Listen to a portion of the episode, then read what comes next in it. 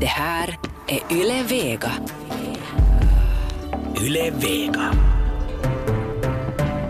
Hej och välkomna till Eftersnack. Det här är programmet där vi är uppe om veckan som gått och i studion har vi förra veckans programledare Jeanette Och Björkqvist. påminn inte mig om detta. Jeanette Björkqvist, hur känns det att vara tillbaka Ja, i det rutinerna? känns så bra att du är tillbaka Magnus. Nu må, jag det? kan lite säga nu en gång snällt om dig. Nu har du varit två gånger snäll i rad. Ja, jag vet det är hemskt. Det ska inte bli en vana. jag Nej, vill du bara ska säga akta det. dig. Du sa, jag vill påpeka att du, du sa förra veckan att jag är inte så dålig att köra bil Nej, som, men- som du har Men var det inte snällt Du, det var sagt? jätte, jag, jag fick tårar i ögonen. Tack Jeanette, det var snällt.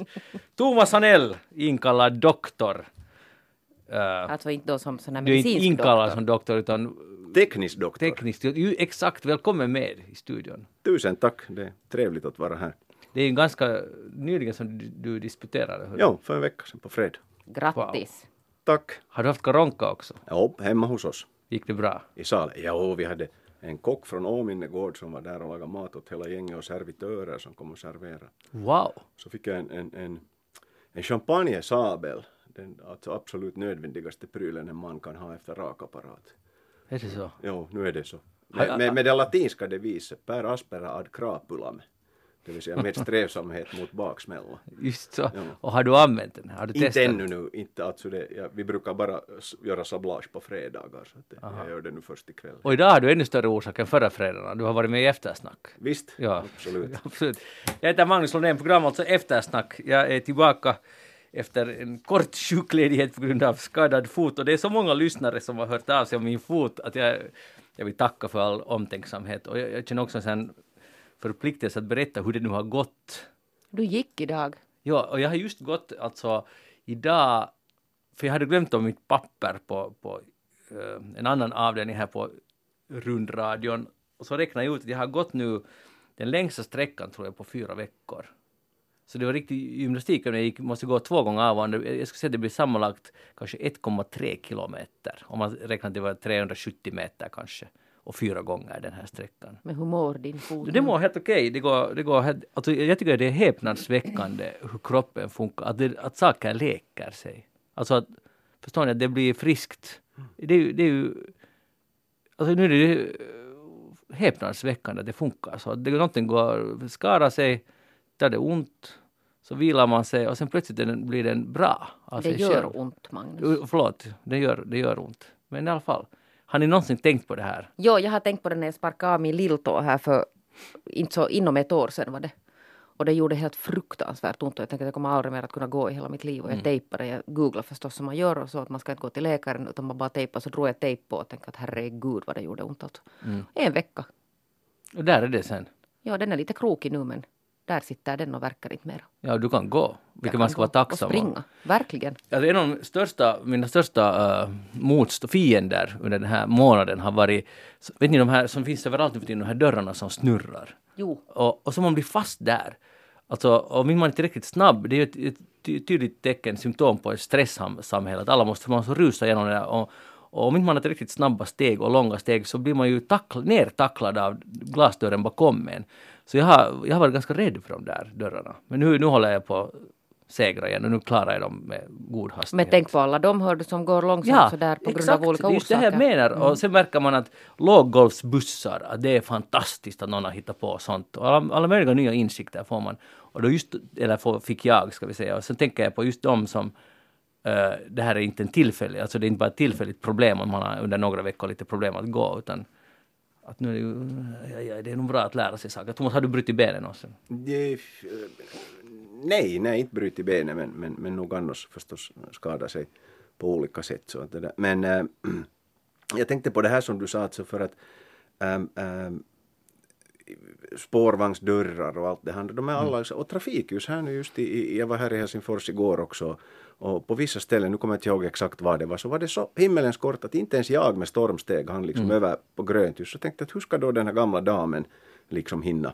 hinna där. Att, att, äh, jag menar, det där är ju bara tekniska problem som man, det man skulle tänkt? kunna liksom Alltså- lösa. Och nu, nu när jag, jag får till, till, till, till universitetet här i Gumtek med spårvagn Och då var det, då var det en, en, en person då som, var- som, som, som var satt i rullstol um, och, och, för att komma ut därifrån, det var så långt avstånd mellan spårvagnen och den här perrongen att han måste komma alltså med fart, så där som en backhoppare. Och då behövde han två medpassagerare som höll i den där dörren så att den hölls uppe och samtidigt speja att inte det går någon på perrongen så att han skulle hoppa vet du, på med sin, sin stol. Och, och jag funderar nog också att nu, nu, nu skulle det behövas någon ingenjör nog där som skulle tänka igenom den där grejen. Det finns nu säkert någon förklaring att det blir is där på vintern eller någonting sånt där. Men det där är ju tekniska saker. Varför kan inte man lösa dem? Mind the gap, ja. Det, är- det, där är nog, det är inte bra, men man skulle tycka att i ett samhälle som är- tycker om att planera och, och fixa lösningar på allt, att det här skulle gå att lösa. Men det måste, det förstås blir det bättre säkert småningom hela tiden, men, men att jämfört när vi var barn. Så, men visst men ändå måste det vara extremt besvärligt. Trottoarkanter och allt sånt här. Hörni, uh, nu, det som har skett under den senaste veckan är att regeringen och facket har slåss, slagits ännu mera än tidigare. Nu har regeringen då gett ut ett kompromissförslag igår kväll och facket sitter just, just nu och grubblar på den här saken att ska de acceptera det här eller inte. Och uh, här i Svenska Yles nyhet, nyhet om saken så, så då står det så här att regeringen har då kommit emot och de, och de vill, det är det här att hur ska man kunna säga upp folk på ett mindre företag? Då har det varit tal om om det är färre än 10 anställda. Tidigare har det varit 20 i ett förslag, så blir det 10 och nu slopas den här gränsen helt och hållet. Utan istället står det så här, ungefär så här. Det här är Svenska Yles översättningen. Att man kan, uh, det talas om citat allvarligt brott eller allvarligt brott mot eller åsidosättande av förpliktelser så kan man få sparken. Och citat, väsentlig förändring av de personliga arbetsförutsättningar på grund av vilka arbetstagare inte, inte längre kan klara av sina arbetsuppgifter. Citat slut. Eh, ja, vidare heter det så här att, att vid bedömningen av om det är frågan om sakliga och vägande grunder ska det göras en helhetsbedömning där antalet anställda hos arbetsgivaren samt arbetsgivarens och arbetstagarens omständigheter beaktas som en helhet. Och det här är alltså istället för att det fanns den här gränsen på 10 så står det så här nu att det ska beaktas lite. Och jag ser nu framför mig, jag tror inte jag är den enda, otroligt många behandling, domstolsbehandlingar för att avgöra när när kan man säga att det här, de här kriterierna har, har upp, vi- vad heter det, uppfyllts? När kan, man, när kan man tillämpa det här? Det är ju helt totalt flummigt, det betyder ingenting. Thomas, eller gör det något? Du är doktorand. Nej, doktor. Då, då, förlåt, ursäkta! Perioden är förbi. ja, ah. Hör du det här? Nej, men nu kan det ju vara bara att det var en slarvig översättning, men det där var Mm. ju riktigt fikonspråk det där.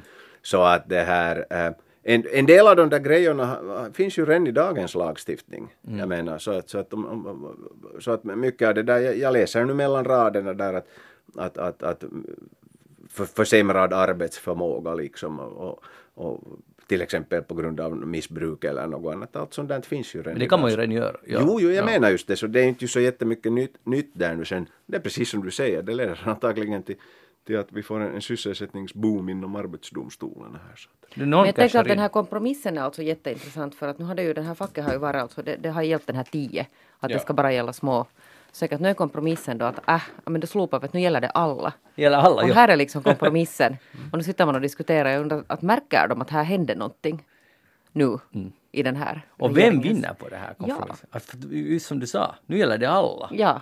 Men, Men nu kan ju liksom också storföretagens VD då Jo, jo. Att märkbart försämrat liksom att de inte får till stånd så kan man sparka dem utan den där gyllene handslaget. Det är ju det är ju Mm. Ja. ganska trevligt. Ja, Att men där- du tror att det går på det, åt det hållet också? brukar det gå vanligtvis uppåt? Sån här. Sådana? Ja. Nej förstås inte. men, ja. det är osannolikt men alltså det, jag- det, det är ganska spännande att se hur facket reagerar på det här. Och många är sura nu på facket den här veckan. Har de, det har varit dåligt med bespisningar och så vidare. Jeanette hörde till dem. Vadå, alltså det där dåligt med det där bespisningen. Det var ju alltså två dagar. Ja, två dagar. Två dagar och det där, jag måste nog säga att det här noise som uppstod kring det var ju nog alltså det där, jag följde ju lite sådär med, med det där förvåning med det här. Mm. Men hur, hur, hur klarar du Nå det vet där du, vår skola hade nu då lyckligtvis det där bespisningen. Jag, jag behövde inte laga alltså, jag behövde inte möta den här oerhörda alltså utmaningen att packa en lunchlåda med åt mitt barn två dagar, vilket ju då alltså skulle ha varit alldeles alltså oöverkomligt svårt. Men är det inte fint att vi har ett sånt, sånt välfärdssamhälle? Jag tycker att, det är jättefint. Att om det är en eller två dagar är borta så blir det, det är liksom största grejen i alla tidningar. Oh ja. I alla medier överhuvudtaget. Ja men läste alltså, följde ni med den här för att det var ju, det, det blev ju liksom, det urartade ju någonting, jag vet inte riktigt vad man ska kalla det, de här företagarna som sen hade börjat alltså lasta pizzor och haft med sig nå MTV3s journalister för att det där dokumentera det här när de för alltså pizzor till en skola som inte vill ha dem för att de hade fixat det på så att herregud alltså på riktigt. Mm. Vad var då på riktigt? Nej men alltså var det, får det lite överriks det här nu? Mm, kanske det får. Thomas, du är Hos oss, välfärdsforskare. hos oss löste vi det. Först hade vi då problem med att överhuvudtaget få något packat på barnen och de skulle ju inte ha, för ingen annan skulle ju ha mellanmål, så jag kan inte vara den enda som ska ha mellanmål med då den där första dagen eller lunchsmörgås. Men vad hade de tänkt äta då? Ingenting förstås, för ingen annan kommer ut. Så, men alla andras föräldrar kommer just, står och, och tjafsar just om den här samma saken. Och då fick vi då prackat på dem sån här 50-talssmörgåsar sen lite om man säger så här. Triangel.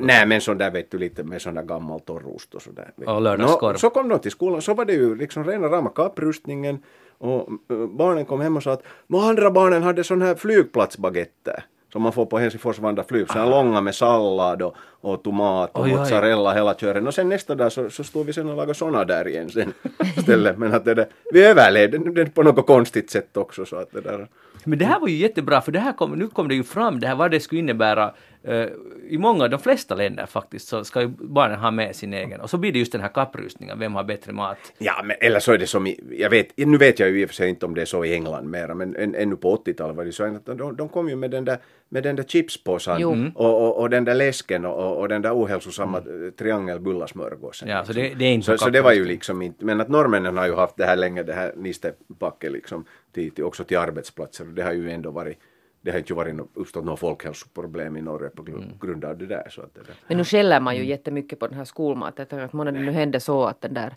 uppskattningen för skolmaten höjdes plötsligt när den var borta två dagar. Alltså vi, vi påminner våra barn hela tiden att det här är helt unikt.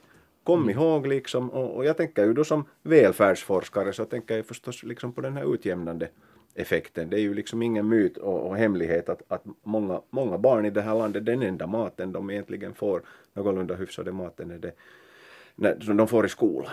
Och det och så är de där, hungriga på, på, på veckosluten och, och under skolledighet. redan det där argumentet räcker ju till för att man borde jobba för att det ska finnas skolmat i hela världen för alla barn. Alltså redan det där, det där är helt Ja. essensen i det hela. Bara det. Ja, Ja, att det- de skulle få gå i skolan och äta sig mätta. Så Ja. man kommer ganska långt med det. Det där Finwatch har granskat nu Karuna, eller hur, hur brukar ni uttala Karuna? Hur ska man uttala No, det? borde du ju veta som är programledare. Karuna. Karuna. Vet du Kiruna och Karuna? Karis. Karuna. Karis Karuna. No, ja, i alla fall eh, det här lite suspekta, eller ursäkta, bolaget som, som det sköter då energiförsörjningen och efter att Fortum såldes ut och så vidare.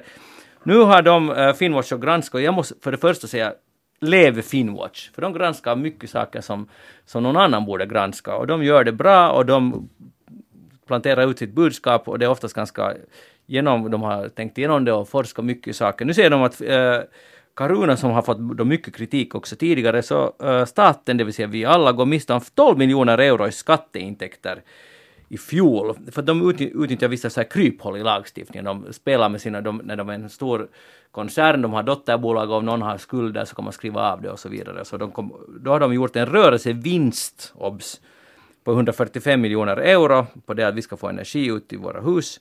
Och på det här de betalar endast 6 miljoner euro i samfundsskatt. Vad säger ni nu? Inte alls förvånad Nej. förstås. Blir du Men- sur?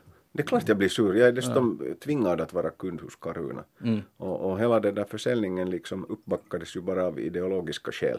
Ja. Att, att, att det här, eh, och det här, det här går ju då under liksom den, den kategorin av, av tjänster som, som, som kallas, eh, vad heter det, services of general interest.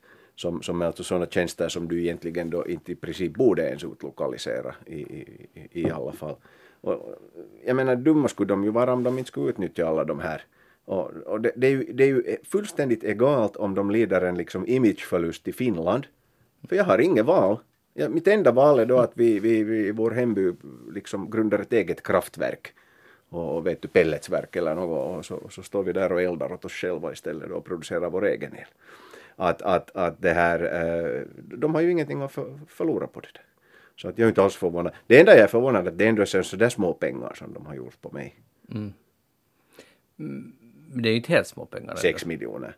Nej, 6 miljoner har de betalat i skatt. Ja. Vad var det? Hur mycket hade 140, du gått, 145 hur mycket hade miljoner. gått miste om? 12 miljoner. 12 miljoner. Nåja, men det, är en, det, det är klart det är mycket pengar men så där, i den stora kakan så är det inte ju ändå liksom enorma summor. Mm. Så att du bygger nog inte en rondell för de där pengarna. De bygger en kort stump cykelväg någonstans. Jo. Ja, ungefär så. Men äh, jag är alltså, hör till den skaran som är arg på Caruna. Och, eller ska vi säga att jag är förbluffad över att det inte blir större protester än det blir. För när jag byggde nu den här nya lerhyddan i Pargas, så tänkte, tänkte jag att jag skulle kolla nu vad, vad det kostade att få el till det här. Det finns på samma tomt finns det ett hus som har el, uh, min frus släktingar, och så finns det uh, granntomten här också. Och så tänkte jag, nu ringer jag och checkar. Så ringde jag, så sa det kostar 12 300 minimum att få det. Så, men att det finns el där här, ett stenkast härifrån. Ja men man måste dra det till någon, vad det nu, låt oss säga att det var en transformator. Och så sa jag, "Va- hur kan det kosta så mycket? Det ska vara jämlikt, det ska vara liksom lika dyrt för alla. Och det där, och sen dessutom kommer det månadsavgifter förstås till och sen plus då vad man konsumerar. Ja, och, jag, och, och det är ju så att, att jag betalar ju mera överföringsavgift än, än, än själva liksom till energibolaget. Ja, exakt. Där- Nåja, och sen, sen tänkte jag, eller jag hade ju aldrig ens tänkt att jag skulle ta dem, jag ville bara veta vad det var. Och sen istället, och det går ju att göra i en sommarstuga, satt vi solpaneler på taket. Man är helt självförsörjande, kostar hälften av det där och, och underhållsfritt i typ 20-25 år. Och varför gör inte alla så här? Eller äh, ska vi säga att kanske det folk känner inte till det, men alla må, borde göra det så att Caruna ska känna att det finns konkurrens. För just som du sa, de har ju inte någon konkurrens och det är ju inte sommarstugsägare, inte de stora konsumenterna i det här. Men man måste, vi måste börja göra något. Vi kan inte ha ett Att kanske bolag vi ska ha det där egna kraftverket Ja. eller någon alltså egen sån här på energi. riktigt. Alltså Eller eget lokal, vindkraftverk. eget lokalt, En mölla. om det skulle gå. det är ju klart att om, om du pressar det här för långt så kommer det ju att gå så.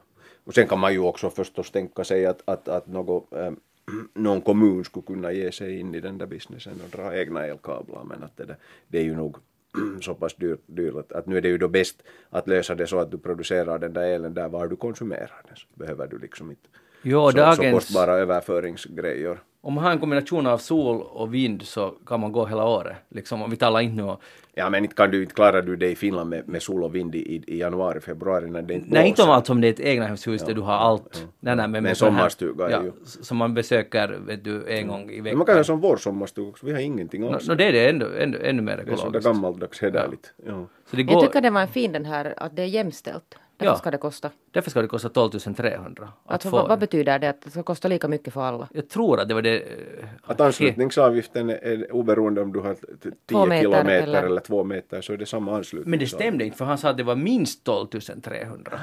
Så för det beror lite på hur långt det är till den där. Så det är, inte, det är jämställt men vissa är mera jämlika Att än vi andra. startar vid 12 000 Ja. så är det jämst, Så det är jämlikt för alla. jämställt, ja, ja. Men alltså på riktigt, om, om vi tänker vilken annan tjänst som helst så man får den hälften billigare än någon annan. Och med de här solpanelerna på taket, eh, vi har sex stycken, så kan vi driva allt under det här halva året, precis allt vad vi vill i det här huset. Och, och vilken annan, om det finns en konkurrens, om man får en sak för 12 300 plus alla löpande utgifter, eller man får något för hälften av det, så borde ju alla ta det som är hälften. Alltså det, det, marknadsekonomiskt måste gå åt pipan. Jag hoppas det går riktigt ordentligt illa för Caruna snart. Ja. får man säga så om ett företag? Men Du sa det just. Jag sa det. Du Men sa det redan. Ja, det är för sent nu. Det är, Det är ute nu. där i Svenskfinland nu. Vibrerar dina ord. Jag tror inte att det finns hemskt många personer i svensk Finland som hyser så det är jättestora sympatier. för- det är ett, är det, är det, var det ett nederländskt holdingbolag? Ja, och eller- sen eller lite, eller- lite skatteparadis all, allt. Hela köret Hela där, köret. och så lånar de pengar mellan koncernerna. Ja. Okej, Ja. ja. det var den där historien. Hej, eh, Svenska Dagbladet har en kampanj som heter Visa kvitton. Eh, hashtag Visa kvitton. Eh, det är något som Svenska Yle eller Husis eller någon borde nappa på. De har då alltså gått till Sveriges EU-parlamentariker och sagt att hej, ni, ni får ju sån här eh, ersättning för 45 000 eh, kronor varje månad.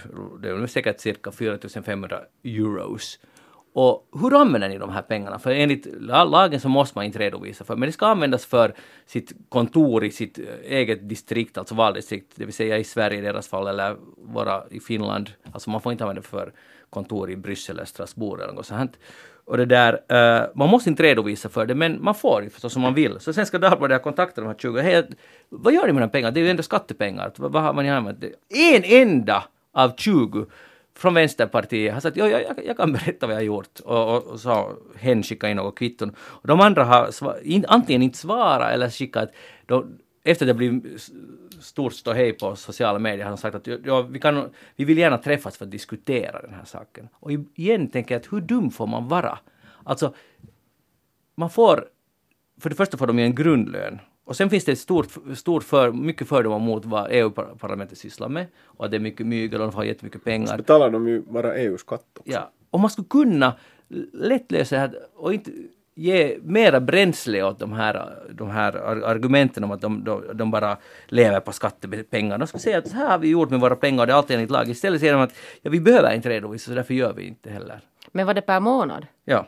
Okej, det här är ju lite Plus att de får 300 euro per dag. Jo, och det där är lite överraskande för att det är i Sverige. Plus där lön. I Sverige brukar de vara lite bättre på det här, att de fattar vad som brukar hända. Att, Mm. att där brukar det nog vara så att man snällt, när journalisten frågar så, så svarar man. Men, men Med undantag då för de här. Hur, om du skulle vara EU-parlamentariker, vilket är ju nära förestående säkert, så hur skulle du göra Jeanette med det här? Det kan du där, med gott samvete säga att du skulle göra på något annat sätt? No, inte vet jag, men jag funderar varför de inte alltså vill redovisa svara för nu det på det här. Skulle du Inte behöver jag svara på det där, för det är fullständigt alltså teoretiskt. Det är en helt alltså hypotetisk fråga. Jag men kan det säga där, att nog varför... vad jag skulle göra. Ja, du skulle redovisa. Va? Nej, antagligen inte. Eftersom ingen annan redovisar. Så Men det visste de varför ju. liksom använda jättemycket tid till den där redovisningen? Men man skulle det, nog du får ju kunna liksom ge- bara extra jobb. Du är rädd för kollegialt, att de tycker att du är lite, försöker spänna. Man blir liksom den här, ja, den här snusförnuftiga Ja. Petter Men alltså vad hade den här vänsterpartisten då svarat? Va- Vart hade pengarna gått? Det framgick inte i den här artikeln, men det nämndes bara i en bisats att en har redovisat. Det var lite synd för han borde ha fått mer, hen borde ha fått mer uppmärksamhet. Men, men alltså, skulle, inte Thomas göra så att du skulle sätta på din webbplats till exempel att det här har jag använt, hyra i 2100 och sen printer Det är klart, om och det, skulle, om det skulle låta göra sig enkelt, men om nu sen liksom varendast ett äh, Toblerone-kvitto eller något Nej, nej, men i stora drag, I stora drag, no förstås, ja, ja. Men däremot så, så, så, så nej, om jag nu riktigt rannsakar mig själv, om det är så att du får de här pengarna i varje fall, men inte har några utgifter, ja, Mm. det är det. vad skulle man göra då? Då För den riktigt hederliga skulle ju ge tillbaka att jag har Mm. inte haft några sådana utgifter, att här får ni tillbaka min 4000 eh, 450, jag, Ja. jag, jag köpte en, en, en stansmaskin för 50 euro. Ja. Ja, så det där med, och, och, och, och då, då är det antagligen, kan jag tänka mig, då är det antagligen en ett till två dagars arbetsinsats att eh, se till att ge tillbaka de här pengarna liksom. Att det är, för allting är ju så fruktansvärt byråkratiskt eh, där nere. Så att eh, jag kan nog på ett sätt förstå, men jag, det är klart jag fördömer en sån där. Ja, samtidigt, jag tror att du är något på spåret där, för det är säkert inte så... De flesta skulle säkert bete sig så här. Om inte man måste redovisa, man får pengar, så varför skulle man redovisa? Nu är det bara problemet där när det finns uh, människor har uppfattning om hur det funkar där nere i Bryssel och Strasbourg, så borde man bete sig på ett annat sätt för att stoppa de här fördomarna. Eller så är de sanna, de här fördomarna. Det är någon dera. Jeanette, Men det är ju det där, jag sitter ändå och tänker att det är nog jättestor alltså summa. Vad sa du att det skulle användas till kontor? Ja, de får eh, kontorshyra, men, men, men eh, hur var det nu? Och, och, Som inte finns, fick finnas i Bryssel. det står de, de, kontorsersättningen tänkt att bekosta telefonräkningar, eh, kontorsmaterial, eventuell kontorshyra på hemmaplan, flygbiljetter och taxiresor med mera. Så, så det är klart att om man ska samla varenda taxikvitto blir det ganska mycket, men, men ändå, ändå det, det är alltså möjligt att göra. Jag skulle nog, i alla fall skulle jag i början, sä- säkert skulle det gå så här, man, går, man får dit i början jättekaxig, jag ska redovisa allt. Och till slut så sugs man upp av systemet, ingen annan gör det. Nej, och Pengarna då så kommer har in du på kontot. 14-16 timmars arbetsdagar liksom. Men man har assistenter nog. Ja, det har man, så assistenten skulle kunna redovisa. Ja, och man skulle kunna anställa assistenter för de här pengarna. Ja, och det är säkert många som gör det också. Det är det säkert. Ja. Men får man månne använda det till det? Ja, det undrar jag. Nu, nu har, känner jag inte till det. Men i alla Och det fall... unnar jag ju nog de assistenter alltså. Jo, för det här, men jag tycker att det här är problem, för nu, om man nu säger så här elakt om, om de här, så ja, ni har politikerförakt och så här. Men jag tycker att det är, tvärtom handlar om det att politikerna gör också där jätteviktigt arbete, men de ska inte ge tillfälle att kritisera dem ur den här synvinkeln. För det, då, då far förtroendet för politiken. Det är det som är så, det är det jag menar är så att det är så dumt. Men grundproblemet här är ju nog inte ändå politikerna, utan Ja. det är det där själva systemet. Hur menar det, du? Att det systemet, du får 4500 euro i månaden om du kan uppvisa kvitton på det där. Och annars får du inte. Så borde det liksom. Ja. Och, då, och då, då skulle man ju sätta in det i system och då, då skulle man inte kunna. Men det här är nu sån här, det är, hela Bryssel funkar ju liksom enligt fransk administrativ kultur. Hej, den här veckan har det varit mycket slagsmål kring uh, Helen Skärfbäck-filmen. Uh, eh, Antti Jokinen håller på med en film uh, som blir färdig 2020 och då har det ju varit då debatt som börjar i Husis. Eller hur, ni har säkert läst den här. Uh, Pontus Kyander, skrev, han är konstkritiker och författare, skrev en, helt enkelt en uppmaning till bojkott av, av filmen. Att- Att man ska inte gå sen och se på den här därför att Skärfbäck inte talar svenska i filmen. Skärvebäck. Skärbeck, ursäkta. Skärbeck talar en, endast några ord finska i riktiga livet. Och så kommer det fram här. Nå, tänker ni delta i bojkotten? Nä, Thomas, vad säger du? Nej, alltså det där är ju en fullständigt löjlig storm i ett vattenglas. I Vad- det vad skulle nej men vad skulle, vad skulle det bli liksom om, om, om, om du inte skulle kunna, om du skulle bojkotta alla filmer där folk inte talar sitt, sitt modersmål? Du tar något sådana här historiska dramer då, vet du, något Grekland eller, eller något annat, gladiatorerna, ska de tala liksom latin där då alla, för annars måste vi bojkotta det. Ja, fast nu tror jag det talar det här Spartacus alltså... talar antagligen en Nå, så kökslatin nu är det så här klassiskt, sån här, det, vi har haft mycket snack om det på Eftersnacks Facebook-sida och det är just så här, folk tar så här, "Nå, då, då skulle vi måste göra, man får inte läsa, vad var det man inte skulle få, man får inte skulle få lyssna på ABBA eller hur det nu var. Sluttande planets argumentation, ja ja, förstås, okej. Så att bla bla bla. Men, Nej, men, men alltså, Men nej, det jag, handlar jag, mer alltså om den här att, att det liksom, eller det var de som, som nu, inte vet jag går de med i bojkotten, men som i alla fall håller med om det här att, att det på något sätt systematiskt alltid går så när man gör någonting om, om sådana här finlandssvenska, alltså kultur, personligheter eller liksom överhuvudtaget, att de alltid, alltså man totalt alltså rensar bort den här, den här liksom svenska eh, språkaspekten så att plötsligt liksom är alla finskspråkiga. Och jag kan ju liksom, fast jag inte är en jättekänslig sån här finlandssvensk, tvärtom, så kan jag ju lite också förstå nog den här argumentationen. Att det går ju att göra så att man på något sätt, nu vet jag att det här blev på något sätt, jag vet inte, det här råkar nu bli sen den här symbolen för allting, att, att här nu kanaliserades allting. Ja. Det som är synd med den debatten, och jag tror det gäller oss tre också, att vi vet ju inte, vi har ingen har sett filmen än, för den existerar inte. Så det kan ju vara att, för det går ju att lösa på många helt jättefina och, och lätta sätt, att det kommer fram att huvudpersonen är svenskspråkig. Och, och, och, men den här filmen är nu på finska. Men det är ju bara frågan hur det görs. Och Alltså nu, man kan ju strö in så att det liksom hörs. Ja, på ett snyggt sätt. Lite så här som i, i Katarina ja Munkkiniemen kreivi. Något Carl Gustav, te olette mouka. ja, det går att göra snyggt på ett snyggt sätt. Alltså min son är, är fenomenal på att, att härma sig Hollywood-tyska, The Germans. Ja. Att det är helt fantastiskt. Men de så talar- gör man inte mera filmer om Nej, man gör inte Tyskland. mera, men förr gjorde man ju det. Jag, Ja. tycker, jag, jag saknar ju det där. Jag, jag, saknar The Germans. Men, men det är ju det, är ju det kändaste exemplet. Tänk att det, under många årtionden gjordes det alltid så. att Konstigt nog så talar de engelska, men ändå liksom... Alla andra fransmännen talar flytande engelska, japanerna talar flytande, men The Germans talar alltid så. Men sen har det ju talats om varför gör man då på det här sättet och det är nu en Mm. fråga som är hemskt svår att det där säkert svara på. Eh, Men tala om den här alltså kommersiella intresse att, att den säljer inte, om, man kan inte sälja alltså en, en film som på något sätt är svensk. Eller att ingen har ju förbjudit de här finlandssvenskarna själva från att göra men att nu råkade det nu vara Antti Jokinen Mm. som tog i det här. Att det är ju nog det där jättekänslosamt det här. jag, jag kan nog köpa nu när du säger det liksom lite just den här, att det, att, jag vet inte om det är systematiskt men det blir ju liksom ett, ett mönster. Jag tänker på de här, den här, han som ritar de här hundarna också om Runeberg som talar hundarna helt bara finska. Ni vet det här barnboks. Mauri Kunnas. Ja precis just och, och, och, och, så här, Mannerheim talar ju finska liksom i alla och filmer och, och, så här så att det här ähm, jag tror knappast att det är liksom medveten illvilja eller, eller någon slags liksom stor plan runt om det här. Men det kan, det kan ju nog lite vara det som du, som du indikerar att, att, att man liksom är rädd för den här populismens liksom, att, att du stämplas då. Eh, eller du vill inte ta den risken att bli liksom stämplad som Jag tror att det är inte så, jag tror att man är helt omedveten. Alltså man tänker, alltså jag tror att det är någonting som man inte ens reflekterar över som majoritets Det är med det. Det så. kan nog vara så. Men är, Nå, är vi, för nu har det sagts mycket... vi är så kränkta. Jag vet, att, nu är typiskt finlandssvenskt, nu är vi igen så här kränkta och alltid ska det bli ett stort hallå och vi är så känsliga och så vidare. Det här, filmer har alltid gjorts på det här sättet. Känner du dig alls träffad nu när du, du hör det argumentet?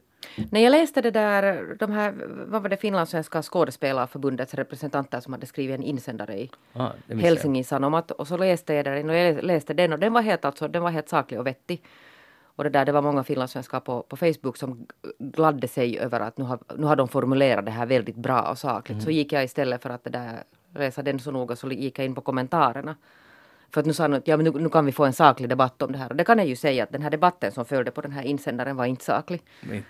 Det, vi, det spårade ur alltså direkt och, och så hette det att, jag menar, att fattar vi inte att, att det där, ingen går och tittar på någon på nå film där man talar svenska eftersom som man är traumatiserad av den här tvångssvenskan. Det tog inte liksom hemskt många minuter så var vi, så var vi där på det spåret.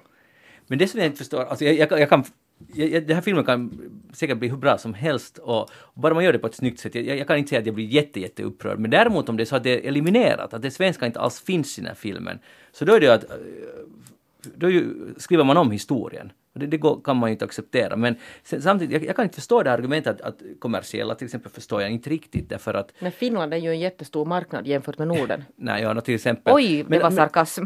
Men, men tänk om man idag skulle göra en film om, om, det är ju inte samma sak, men om, det har gjorts nu lite långfilmer om samekulturen, de har gjorts då på samiska.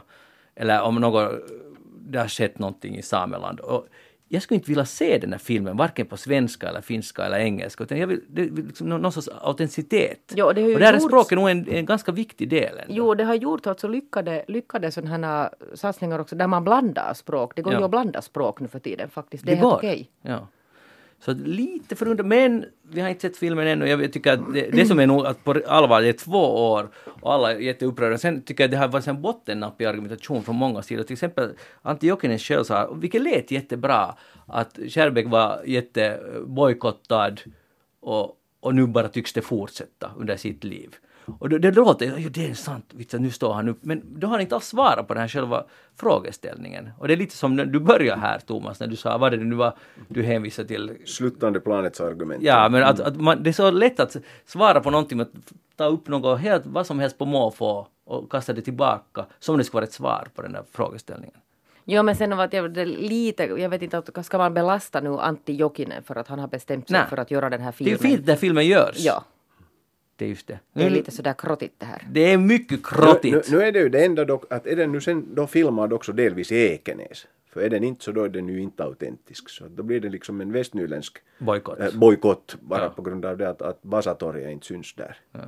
Men är vi, är vi finlandssvenskar jättekänsliga? Är det, är det här nu, är det det det handlar om, Nej, Thomas? nej, vi är inte så känsliga. Vi, vi, vi är mycket mindre kränkta än våra rikssvenska vänner. Ja, och jag måste säga att jag tycker att det är på något sätt eh, första gången, eller inte första gången, men för en gångs skull så vågar människor reagera. För att det brukar ofta vara så där att man, nu ska vi inte göra, nu ska vi inte börja liksom bråka här.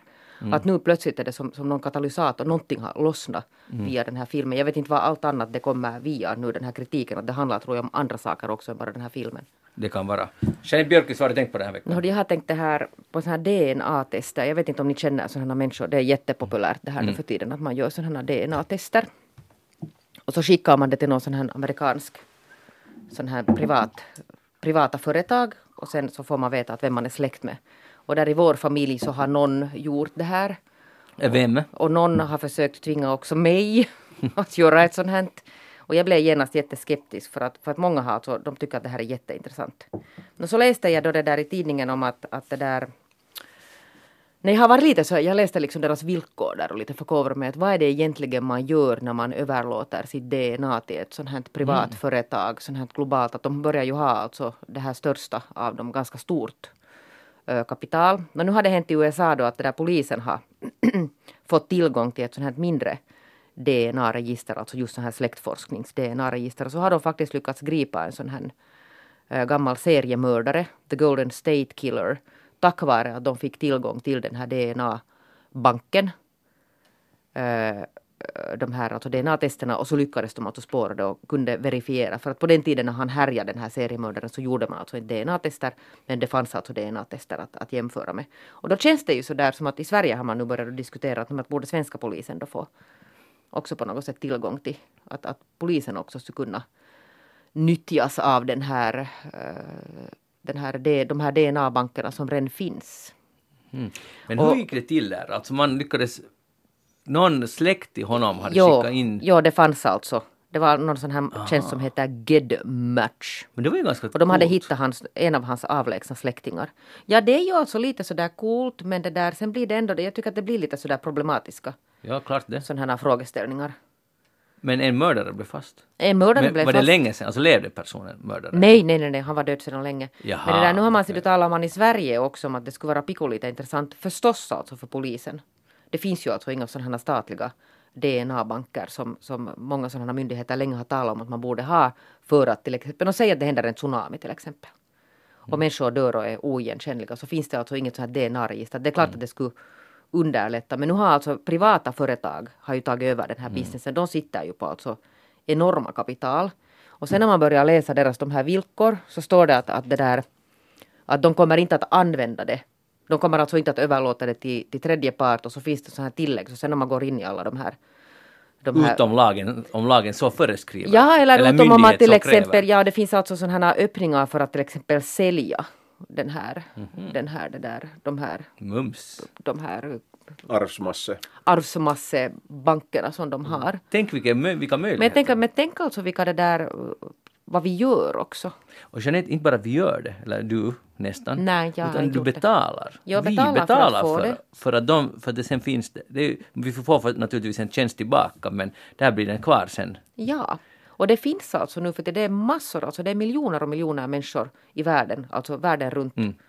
som har alltså skickat, betalat och, och samlat alltså sina, gett alltså sitt DNA till en sån här aktör som man nu inte riktigt sen vet att vad, kom, vad, kan man liksom, vad, kom, vad kommer att hända med den här. Men får jag ännu fråga, eh, den här personen i din familj som gjorde som inte var du, eh, så har, har svaren kommit? Var det Jo, spännande? jo. Men Nå, blev- inte vet jag då, blev, blev, det- var det en stor dag när han fick veta allt? Nej, alltså inte kommer det, det, alltså det, det är något sån här att, att det sätts in i ett system och så börjar den matcha. Alltså man betalar ju hela tiden också. Och så börjar den söka alltså matcher in dit och så får man någon sån här släktkarta och kan spåra sig tillbaka till något. Visade det sig sen att den här personen som då antagligen kom från Ekenäs, att den var släkt med någon Karisbo. För det skulle ju ha varit liksom helt katastrof. Ja, precis. Man har gått över gränsen. Här. Ja, Det- nej, här det- hade Karisson, nej det här var finska. och Esbo. Det här var finska Finland om man Aj, det var säger som finska så. Men det finns nog motsvarande där. Ja. Men okej, men, Men det är ju alltså, det är klart att det är lite intressant det här. Det kommer, det kommer en sån här analys alltså på det här DNA, att, att hur många procent så där ungefär av den här arvsmassan är finsk eller vet ni afrikansk eller asiatisk eller what not. Alltså nu är det ju spännande. Det är klart det är spännande. Jag förstår alltså det här att, att man blir attraherad sådär att veta. Det är klart att det är lite känns så att nu skulle det vara lite kiva att säga att ser man i mitt DNA. Jag har, jag har Men till och med övervägt det, men jag, jag sen skippar det. Ja, och det där, jag, jag, just det där för att du vet inte alltså vad som händer sen med det här. Thomas, har du tagit det här? Nej, nej, jag har funderat. Det skulle vara jätteroligt att liksom, jag menar, vi vet ju alla att om vi går tillräckligt 200 000 år tillbaka vid tiden så är vi alla släkt med samma schimpansmamma då. Och men, men, men liksom att vad har hänt däremellan och, och som geograf då så, så, så är jag ju liksom intresserad att vet du de här transkontinentala DNA, liksom att finns det till exempel då australiensiskt liksom aborigin vet du DNA Det kan väl inte finnas? Jo. Klart Vi kan, okej, ja, vi men- kommer riktigt från samma, Homo sapiens är liksom samma, så, så vi är släkt med ja, varandra. ja. Så att det där, men det är bara liksom att Good långt och så, så vet vi. Så det skulle nog vara riktigt spännande. Men jag har just funderat också på det där att man ger ju då, det är carte blanche. Inte bara nu, utan du är ju också en stor del av dina barnbarns barnbarns DNA gratis åt den här firman när du själv inte mera finns här. Sitter Mm. de fortfarande på dina gener? Tänk om, om det skulle visa sig, Jeanette, att du eller jag eller någon är släkt med Ötzi. Det, det skulle vara Jag ganska tror inte stort. att de är... För Ötzis DNA måste de ju ha. Jo, men jag undrar, jag tror inte att de är så, så där exakt. Att Men om det, svårt- jag ja. sa om, om det skulle, då skulle det nog vara värt pengarna. Så nu borde du möjligt, testa nu är det möjligt att kolla hur mycket du har gemensamma kromosomer. Ger du ditt, hör du, ger du ditt DNA? Jo, man får alltså alla möjliga tilläggstjänster sen om man betalar så kan man Ja, kolla allt hur, släktskap med Ötzi, ja eller Men nej? det kan jag ju säga att vi hade ju där i vårt hus var det, var det mycket finskt och skandinaviskt. Förstår ni att de separerar alltså mellan finskt sånt här ursprung och skandinaviskt. I DNA-hänseende. Mm. Ja, för det, det, det finns en liten skillnad där faktiskt. Så att det där, ja. Men det jag där jag gör blir lite lite- mer intresserad, fast trots sitt kritiska inlägg blir jag lite mer intresserad av det här. men alltså sen är det samtidigt, det är ju klart att det är bra om man kan lösa brott. Och det skulle ju vara klart att det skulle vara bra om, om det händer till exempel knack, knack, knack i träden och sån här stor naturkatastrof som tsunami till exempel. Men det där är nog ganska teoretiskt. inte det så teoretiskt? Men jag menar, men jag att, att, förstår ska att- vi att- därför upprätthålla ett sånt här? Nej, absolut Nej. inte. Men jag menar förstår att, att, att det, det är klart att det finns alltså. Jag förstår den här tanken Mm. som man nu talar om i Sverige att borde polisen på något sätt kunna få tillgång till. Allas DNA. Nu är alltså DNA som svenskar har. Och det där, nu kan ni ju tro att den här diskussionen kommer att komma hit också. Nu har ju svenska polisen alla, alla DNA för alla de som de har topsat. Så har de ju, den sitter de ju på. Men, men det här, ja. Alla okända. Ja, Än så länge. Precis, än Spännande. så. Men fatta liksom vilket kapital de sitter på de här företagen som har samlat in det här. Det är ännu mera, antagligen ännu mer värt än allt det här som man samlar in via sociala medier, ens beteende och ens konsumtionsvanor och allt det här. Så det här är ju, nu går vi Tänk sen när du kan börja rikta alltså reklam mot vissa sjukdomar till exempel som, som, som, du, som du ser från kromosomerna. Liksom, att du kan Ja, det måste man ju komma ihåg. liksom att den informationen, fast man inte tar ut den, den informationen ger man ju alltså till det här privata företaget. Mm, där har vi framtiden. Thomas, vad har du tänkt på den här veckan? No, jag har nu, igen, det är ju lite tjatigt det här, men jag har nu tänkt, tänkt på det här, den här, det här klimatrapporten eller vad man ska, vad den kallas nu för tiden. För det var nämligen en insändare här i Helsingin Sanomat, den stora eh, huvudstadsregionstidningen av professor Seppo Junnila. Och, och det var ganska trevligt. Ähm, ähm, äh, han skriver så här i den här insändaren att att, att man har ju då förtjänstfullt eller eh, mer eller mindre förtjänstfullt jobbat mot att, att få ner de här, de här äm, koldioxidutsläppen då och, och de var ju 2017 då i huvudstadsregionen så jag antar att det är då de här fyra kommunerna så, så det här är fyra miljoner eh, koldioxidekvivalent ton. Och den största var, var, var uppvärmning 2,5 miljon. Och så var det ju då trafiken 1,3 och då tar han då fasta på den här det faktum är att man inte mäter koldioxidutsläpp av byggandet. För, för efter alltså fossila bränslen är ju cementproduktion den största koldioxidkällan. Här och, och förvisso bränn, eh, så, så binder ju cementen tillbaka den här koldioxiden på några tusen år. Men liksom det hjälper ju nu det inte. Och, det här, och, och, och då har han plockat fram då sådana siffror här som han tar fram och, och det här nybyggnationen i huvudstadsregionen eh, föranleder eh, mycket mera koldioxidutsläpp än hela trafiksektorn. Nästan lika mycket som, som hela uppvärmningen. Alltså. Och det brukar det nog inte snackas om. Nej, och, det här, och, och, och, och, då eftersom som jag har forskat forska i det här att, att, att det, var vi, det var vi inte mäter liksom i, i statistiskt så det glömmer vi liksom bort. Så. Ja. Och, och, och så fokuserar vi bara på det vi liksom mäter. Och det här tycker jag var liksom nog ett ganska bra, bra grej att, att man säger att vi ska, bygga, vi ska bygga massor med nya hus här och de ska vara liksom nollenergi. Men så glömmer man bort att det liksom kommer enorma koldioxidutsläpp av det där själva byggandet. Plus att, att då, där tillkommer ju sen ännu då alla byggmaterialsproduktion. Hans lösning är då i den här insändaren som den egentligen handlar om, för det här var bara liksom en ouvertyr till hela insändaren, så, så var ju det att bygg mera i trä. Mm-hmm. För det här, det, det löser mycket av de här problemen, så att det, det skulle vara liksom ur en ekologisk synvinkel så skulle det vara mycket bra att, att bygga mera i trä. Hur är det med lera? Lera går under samma, ja det är liksom, Är och det halm. Är lera och halm okej? Jo, jo, det Huh. Huh. Det skulle vara lite pinsamt att nu bli liksom tagen på bar gärning här. Jag har just byggt ett eh, le- Ja, jag, lera- jag har förstått det. Jo, jo, jo nej, nej, ler och halm. Ja. Just det, okej. Så att det där, nej, nej, du är, du är riktigt bra. Nu har du ju då solceller ännu Mm. också. Så att om du nu ännu sen då går dit till sommarstugan istället Ja, för det- att ta bilen så då kan du ju äta kött Hej, jag har just gått ditt liv. 1,2 kilometer idag. Ja, men det, det var inte tänk vad bra. tänk vad bra. Men, men äh, det, det är intressant för när jag faktiskt när jag satt på, i väntesalen på den här privata läkarstationen som ville ha 360 euro för att kolla på min fot äh, och, och, och så vidare. Så det där, det är annars en annan diskussion vi borde ta någon gång här. Men i alla fall, så, så där låg framme, det ligger alltid kundtidningar som, som de rådar dit för folk har ingenting att göra, de sitter och väntar så måste man läsa någonting. Och då läste jag alltså, det fanns en tidning, och jag visste inte om det här, men det fanns en tidning som bara handlade om betongindustrin. Just så. Och, och så nappade jag och tänkte wow, det här har jag aldrig läst. Jeanette, du prenumererar väl på den? Ja, antar jag. förstås, förstås. Jag rekommenderar många generationer alla, till alla vänner av, av kritisk journalistik så rekommenderar jag den här tidningen. För det var alltså, det var, eh, vad ska vi säga, 36 sidor av hyllning uh, till betongindustrin och hur miljövänligt det är och hur fantastiskt betong är på alla sätt. Jag blev helt, alltså det är intressant hur lätt, efter att jag läste den här så några minuter tänkte jag att i betong, det är nog grejen. Alltså jag blev helt att wow! Sen nyktrade jag till lite efter att hon klämde på min fot. Jag kom tillbaka till den riktiga världen. Men, men så här lätt är det. Och, och betong, nu har betong är miljövänligt, betong håller och man kan anpassa det till vad som helst. Det tål liksom fukt och det andas och det, är- det är helt fantastiskt material. Det stod inte ett ord om det vad du just sa Thomas, så vem är det som ljuger här? Ja. Se, inte vet jag. For, ja. Nej men så här är det. Och nu, nu, nu hittar, om man googlar liksom, jag har googlat någon gång lite på det där så, så nu hittar man ju också liksom äh, äh, sådana här mätningar från betongindustrin, svenska betongindustrin åtminstone, var de liksom säger att, att det här är, med, och så säger de då hur de jobbar för att minska på det här, de här utsläppen. Men att det, där, det var nu ändå bra att du nyktrade till och inte liksom gick och göt in den där lerhyddan Ja. i, i betong liksom. Inte var det långt ifrån. ja. Ett samtal bara. Ja, ja, precis. Och så skulle de måste bygga nya solpaneler ovanpå det där Ja. betongtaket sen. Ja, Så ivern bara, Ja, ja. jag menar just det. Så det var ju nu bra att du, du, du sansade dig. Ja. Vitsi, det, det, det, det, skulle, och det skulle nog vara lite jobbigt nog. Sen Att bo i en betongbunker. Ja, utan dörr liksom, man skulle vara helt betong överallt. Sen ja, det skulle gå illa. Så, jag bara varnar alla att se upp för det- sanningen. Det kommer sådana här sanningen i situationstecken från alla håll. Och det är ju väl paketerat ofta den här sanningen. Ja, här var det där inte så väl det där-. Men det är ju konstigt att det inte blir mera diskussion om det där. Du sa att det är en insändare i, i Helsingin Sanomat och ingen Ja, har av en professor på Aalto-universitetet. Jo, jag tycker det också. Och, och, och det här, nu, om man nu igen liksom tar till den, det var ju en annan, annan äm, äh, ganska sansad artikel i, äh, det var Ilta-Sanomat eller Iltalehti, äh, där de sa liksom klart ut att att det här att, att, att äh, vegan och elbilar liksom, det är inte det där problemet.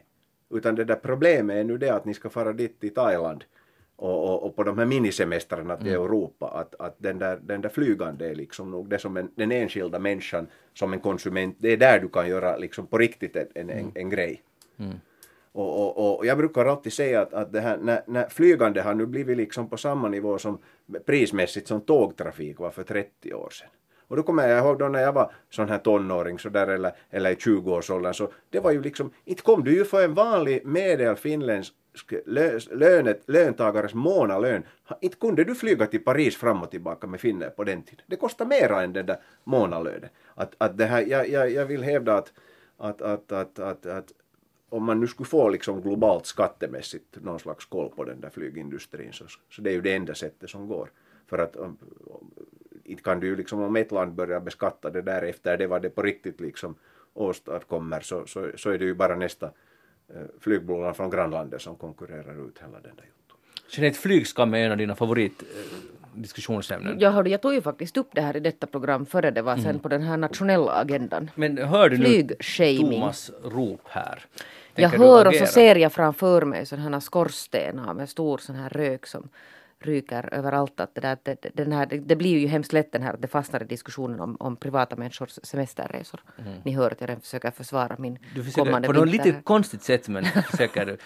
Nej, Men det där, jag har läst faktiskt alltså det här också att, att det är jättebra att man, att man flygshamar eller överhuvudtaget alltså shamar privata människor. Men nu måste man kunna tala också om industrin eller till exempel konsumtions eh, hysterin som gör att man upprätthåller alltså industri som förorenar Mm. ganska betydande. Nu vill professor Hanell prata här. Doktor, doktor. doktor bara. Nå men professor Ja. kan vi kalla dig här. Men, men det här, eh, sen finns det ju då, då liksom en annan grej i hela den här businessen. Att vi kan ju då liksom göra massor med sådana här grejer här i Finland. Eh, eh, och, och, och, och säga att nu har vi liksom fått ner våra koldioxidutsläpp. Och så konsumerar vi allt annat precis lika som förr. Och det kommer sig från det att, att vi, vi borde övergå från ett produktionsbaserat koldioxidmätning till ett konsumtionsbaserat koldioxidmätning. Då skulle den där koldioxiden som, som, som den här koreanska eh, fabriken någonstans i, i- Sydkorea har, har släppt ut på grund av att jag har köpt den här telefonen här. Nu får det på Koreas liksom shame istället för att fara på, på, på Finlands shame. Så att, så att om, du skulle, om du skulle få till stånd, jag menar vi har ju, vi har ju mekanismer på livsmedelsförpackningar som, som mäter de mest absurda sakerna liksom. eh, i, och det finns ju en lagstiftning för vad du måste liksom redovisa. Inte kan det vara så jättesvårt att, att ge någon slags liksom no, medelnormer för olika typer av produkter, att vad de har liksom släppt ut. Så att konsumenten så skulle det vara en sån där lapp där på den där telefonen. Så skulle du veta att jaha, det här motsvarar nu ett års liksom grönsaksätande eller vad som helst. För det här gäller ju också bil, för det talas Ja. mycket om bilparken måste förnyas för de är ju gamla bilar som Men vet du vad? mycket. Ja, ja, jag undrar vad är bättre? No, alltså, jag, jag, jag vågar påstå, nu, nu, nu kan det nu hända och jag, jag tror att, att eftersom jag är nu doktor i fel ämne än, än, än, än det här, men jag vågar påstå att det är mera ekologiskt att liksom trumma på med en gammal bil än att skrota den och, och tillverka liksom äh, aluminium i, i Australien. Och kuska den där aluminium till Island för smältning och sen tillbaka till, till, till Korea och tillverka det och sen transportera den där bilen hit. Så att eh, jag tror faktiskt att det skulle bli billigare att köra, eh, bättre för naturen att fortsätta köra med den där gamla bilen. Så det, det är nog liksom lite att lura sig. Jag, jag efterfrågar alltså produktdeklarationer på de här grejerna så att jag skulle liksom veta att vilken dera val är bättre. Jag har en 20 år gammal bil nästan och den, där, den är så lite medkörd att det skulle, det skulle vara fullständigt huvudlöst att kasta bort den. Men, men det beror på, här, det som argumentet säger är ju alltid så här att uh, luftutsläppen, och det är ju klart, man sätter en gammal bil bredvid en ny, Jo, Om- om absolut. man börjar räkna från och med det. Ja, Ja. men det är ju liksom dumt. Ja. För att det, det kommer ju massor med utsläpp för att producera den där nya bilen. Medan om du behåller den där gamla så, för, så, så tappar du ju bort dem. Så att det, där, det är inte så lätt det där. Nej. Idag är det ett år sedan olyckan i Skogby, be, Drags, beväringarna i Dragsvik. Uh, det är faktiskt jämnt ett år, den, den hemska dagen för många familjer. Och det där är inte, jag vet inte vad vi kan tillägga egentligen, men det är intressant för här är en intervju i Svenska Yle med brigadkommendören som säger så här, och då sa han alltså, för ett år sa om jag inte nu minns helt fel, sa samma person att man måste använda den här plankorsningen för det fanns inga alternativ. Nu frågar de på Svenska Yle att hur har det nu gått när man inte kan använda den här, för den är ju stängd den här plankorsningen. Eh, att hur har det påverkat? Svar. Egentligen rätt så lite. Området där gruppen som var i olyckan var grupperad används fortfarande. Men i och med att vi oftast använder stora riksvägar mot Hangö så har stängningen av plankorsningen ingen stor inverkan i vår utbildning det känns ganska paradoxalt att, att först var det, det fanns inga alternativ, nu är det, har det ingen, ingen större... Och det, vem som helst som tittar på kartan ser att det är inte så st- stor skillnad. Det fixar sig ändå. Det ordnar löser inga problem, men bara säger att det är Jag undrar bara att hade hänt någonting med de här andra, det var ju tal om att det finns flera, det var inte den enda farliga plankorsningen i det här landet. Det, det finns många, och, de och så håller... gick det igen alltså upp det här att det ska nu, nu ska vi äntligen, inte första gången man talar om att man ska åtgärda dem. Nej, det är så ständigt. Och, uh, nu har de ju nog börjat. Lite projekt har de håller de på med. Och en precis, alltså riktigt nära själva brigaden, ska nu bli en tunnel istället. Och det är nu och, den, och där, det var bild på den, och det, jag vet faktiskt inte exakt vad det är, men den är precis där bredvid. Och den är utan alltså bom och ingenting. Och de åker där hela tiden. Och nu ska den bli så att de åker undervägen. Och det är, nu, det är jättebra. Du tackar brigaden Trafiksäkerhetsverket som nu har fått det här gjort. Så det krävdes en sån här olycka för att det ska det, det uppenbara gjordes. Att nu är det konstig användning av resurser det också. Men tyvärr är det ju ofta så att Mm. att det krävs en sån här tragisk händelse för att du ska få ögonen upp. Liksom. På Så någonting. Så att det, ja. Hela ni äter tomater, brukar ni, brukar ni tänka att nu har någon hållit i den här tomaten, förutom ni själva? Jo, varje gång så Brukar- står vi så här och sen kanske pratar vi och frågar att kan tomaten, kan du berätta varifrån du kommer? Ja, Jeanette, jag avsåg nu att, att, att tycker du den är liksom smutsig? ja, du tänkte på Jag- det jag tänkte på det sättet, Jag tänker ja. att det var mer så här någon kärlek. Nej. Tänk- Nej, Om den är smutsig? No, ja. det där, nej, nej inte, men den är ju smutsig ändå för att den är ju besprutad och sen har den varit på alla möjliga och folk har stått och klämt på den i butiken. menar så här hemska mänskliga bakterier, vad man ska Men kalla det. Smuts från människan. No. Du, du har inte tänkt Varför, på det? vad, är du, vad är du ute efter? Thomas, har du tänkt på det någon gång? Nej, men jag tvättar ju tomater. Ja. Så det är ju liksom enklast. att- Man måste ju ändå tvätta dem. För att jag menar, någon har plockat dem och någon har sorterat dem och någon har radat upp dem i butiken och så vidare. Jag har aldrig tänkt på det där förut, men nu såg jag ett paket tomater i min butik, närbutik. Och först ligger tomaterna där, vanliga tomater ligger på rader för varandra, därifrån brukar man ju plocka. Och så var det, fanns det på sidan om färdigt paketerad tomat i sen fyra stycken. Och, så, så, och det har man ju sett förut, men nu stod det uttryckligen på paketet, de här tomaterna har ytterst få människor rört vid tidigare. Att de är liksom superrena. Och då tänkte jag att, att det här är ju sån här, vad, vad ska man säga, skrämselpropaganda. Aj sabla, borde jag ha tänkt på det? Och så börjar man köpa den här tomaten som har plast och papper omkring sig för att någon sån här chimär hygieniskt argument. Och det är huvudlöst, men det kommer att gå hem eventuellt. Tror du det? Det går- inte hem hos dig då? Nej.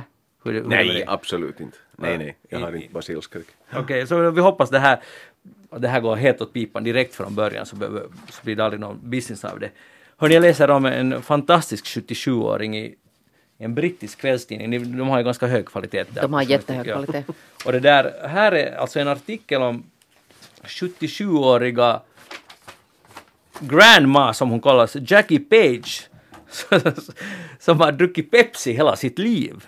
Och jag, jag är inte säker på att det här nu är sant, men det, det står att, att inte ens på sin dödsbädd tänker hon dricka vatten. Hon har druckit Pepsi sen i 64 år. Sen hon var 13 år har hon inte druckit något annat än Pepsi Och Cola. har hon kritvita tänder? Ja, de frågade att hur är det med dina tänder? Så han hörde att alla i efterkrigstiden i England har usla tänder, så att liksom precis alla andra så har hon liksom nya, vad den heter, implant eller något. Så, så det är inte alls någon issue här, för att alla andra har också dåliga tänder. Och hon, hon mår bra. Här är ett foto på henne, här ser ni, hon ser ut som vilken finlandssvensk stålmormor som helst. Farmor och det där, och där poserar hon med med, vad ska vi säga, 40 kannor Pepsi. Och hon säger att man måste dricka det ur, ur burk och inte ur flaska. Det är mycket godare. Det är också lite överraskande, jag har aldrig hört det förut. Men blir ni törstiga när ni hör det här? Det där, jag såg att den här, den här källan till den här fantastiska kvalitetsrapporten var The Sun. Mm, det, Som är alltså vidarkänd och jag, jag är helt säker på att här finns till exempel säkert inga sådana här, sådana här nå, hemliga kommersiella budskap gömt i det här. För sånt sysslar man ju inte med. nej, det gör man inte. Där i den här brittiska Nå, hur många tusen, vi har ju en doktor här i sällskapet, hur många tusen cans har hon druckit i hela sitt liv? Vad skulle du gissa? Hur många drack hon per dag? Några, mellan ett och fyra. Hon, det är det första hon gör på morgonen, att dricka en burk Pepsi. Och hur gammal var hon? Hon var 77, hon har druckit i 64 år. Så nu, nu kan du göra Så det. att om vi nu säger att hon dricker då i medeltal två per dag. Så nu 46 720. No, journalisten här på Sun har kommit fram till att hon har druckit 93 440. Då har hon druckit fyra per dag Ja. alltså i medeltal. Så de överdriver den där lite. Jo, jo, no, de är nu inte riktigt räknekunniga. Vad gjorde hon sen när hon for till puben då och när Ja. andra tar en öl så? ser du, då tar hon Pepsi. Om, om de inte Tog hon har... Pepsi med rom då, liksom rom och Nej, cola bara Pepsi. eller bara Pepsi Ja, hon har alltid bara druckit Pepsi. No, kanske det är därför hon mår så bra, för hon har liksom skippat den där ölen helt och det är möjligt. Ja. Och så- det- hon har ett praktiskt problem för när hon går på krog med sina kompisar och de andra tar något, om de inte har Pepsi så hon kan inte ta något annat så då tar hon fram ur väskan, hon har alltid en reserv Pepsi med sig. För att om det är det enda man dricker så måste man ju ha. Det låter nog jättemärkligt. Det Ja, men andra åldringar gick ju omkring med nitrotabletter och annat sånt där som du ska ha om det händer någonting. Så nu kan Men du alltså, ha reserv-Pepsi Men du, säger, du vill säga att, att aldrig någonsin har någonting annat, alltså förutom hon var baby då, Mm. slunkit in alltså i vätskeform? I väts- nej, Pepsi. Aldrig vatten, mjölk, Nej. ingenting. Nej. Bara Pepsi. Men då har- måste hon ju ha druckit mycket. Inte klarar du dig liksom. Det där är ju en tredjedels liters Pepsi. Så inte klarar du dig på 1,33 liter vätska per dag. No, det är för lite. Kanske det här är receptet för ett hälsosamt liv. Drick mindre. Drick hon har druckit jättelite. Vi måste sluta eftersnack nu och vi måste ta en skål på Pepsi på den saken. Nej. Jeanette Björkqvist, tack för att du var med i eftersnack idag. Det var, det var härligt och du är jättebra att köra dessutom. Ja. Och så vidare. Thomas Hanell, tack för att doktor, doktor! Tack för att du var med här idag. Och vi Ett hoppas vi nöje. ser lycklig hemresa till Karis, för det vi kom inte fram var du bor. Jag heter Magnus Lundén. Uh, eftersnack är slut för idag. Vi hörs igen om en vecka. Ni kan e-posta oss på eftersnacksnabelayle.fi. Hej då, ha det bra.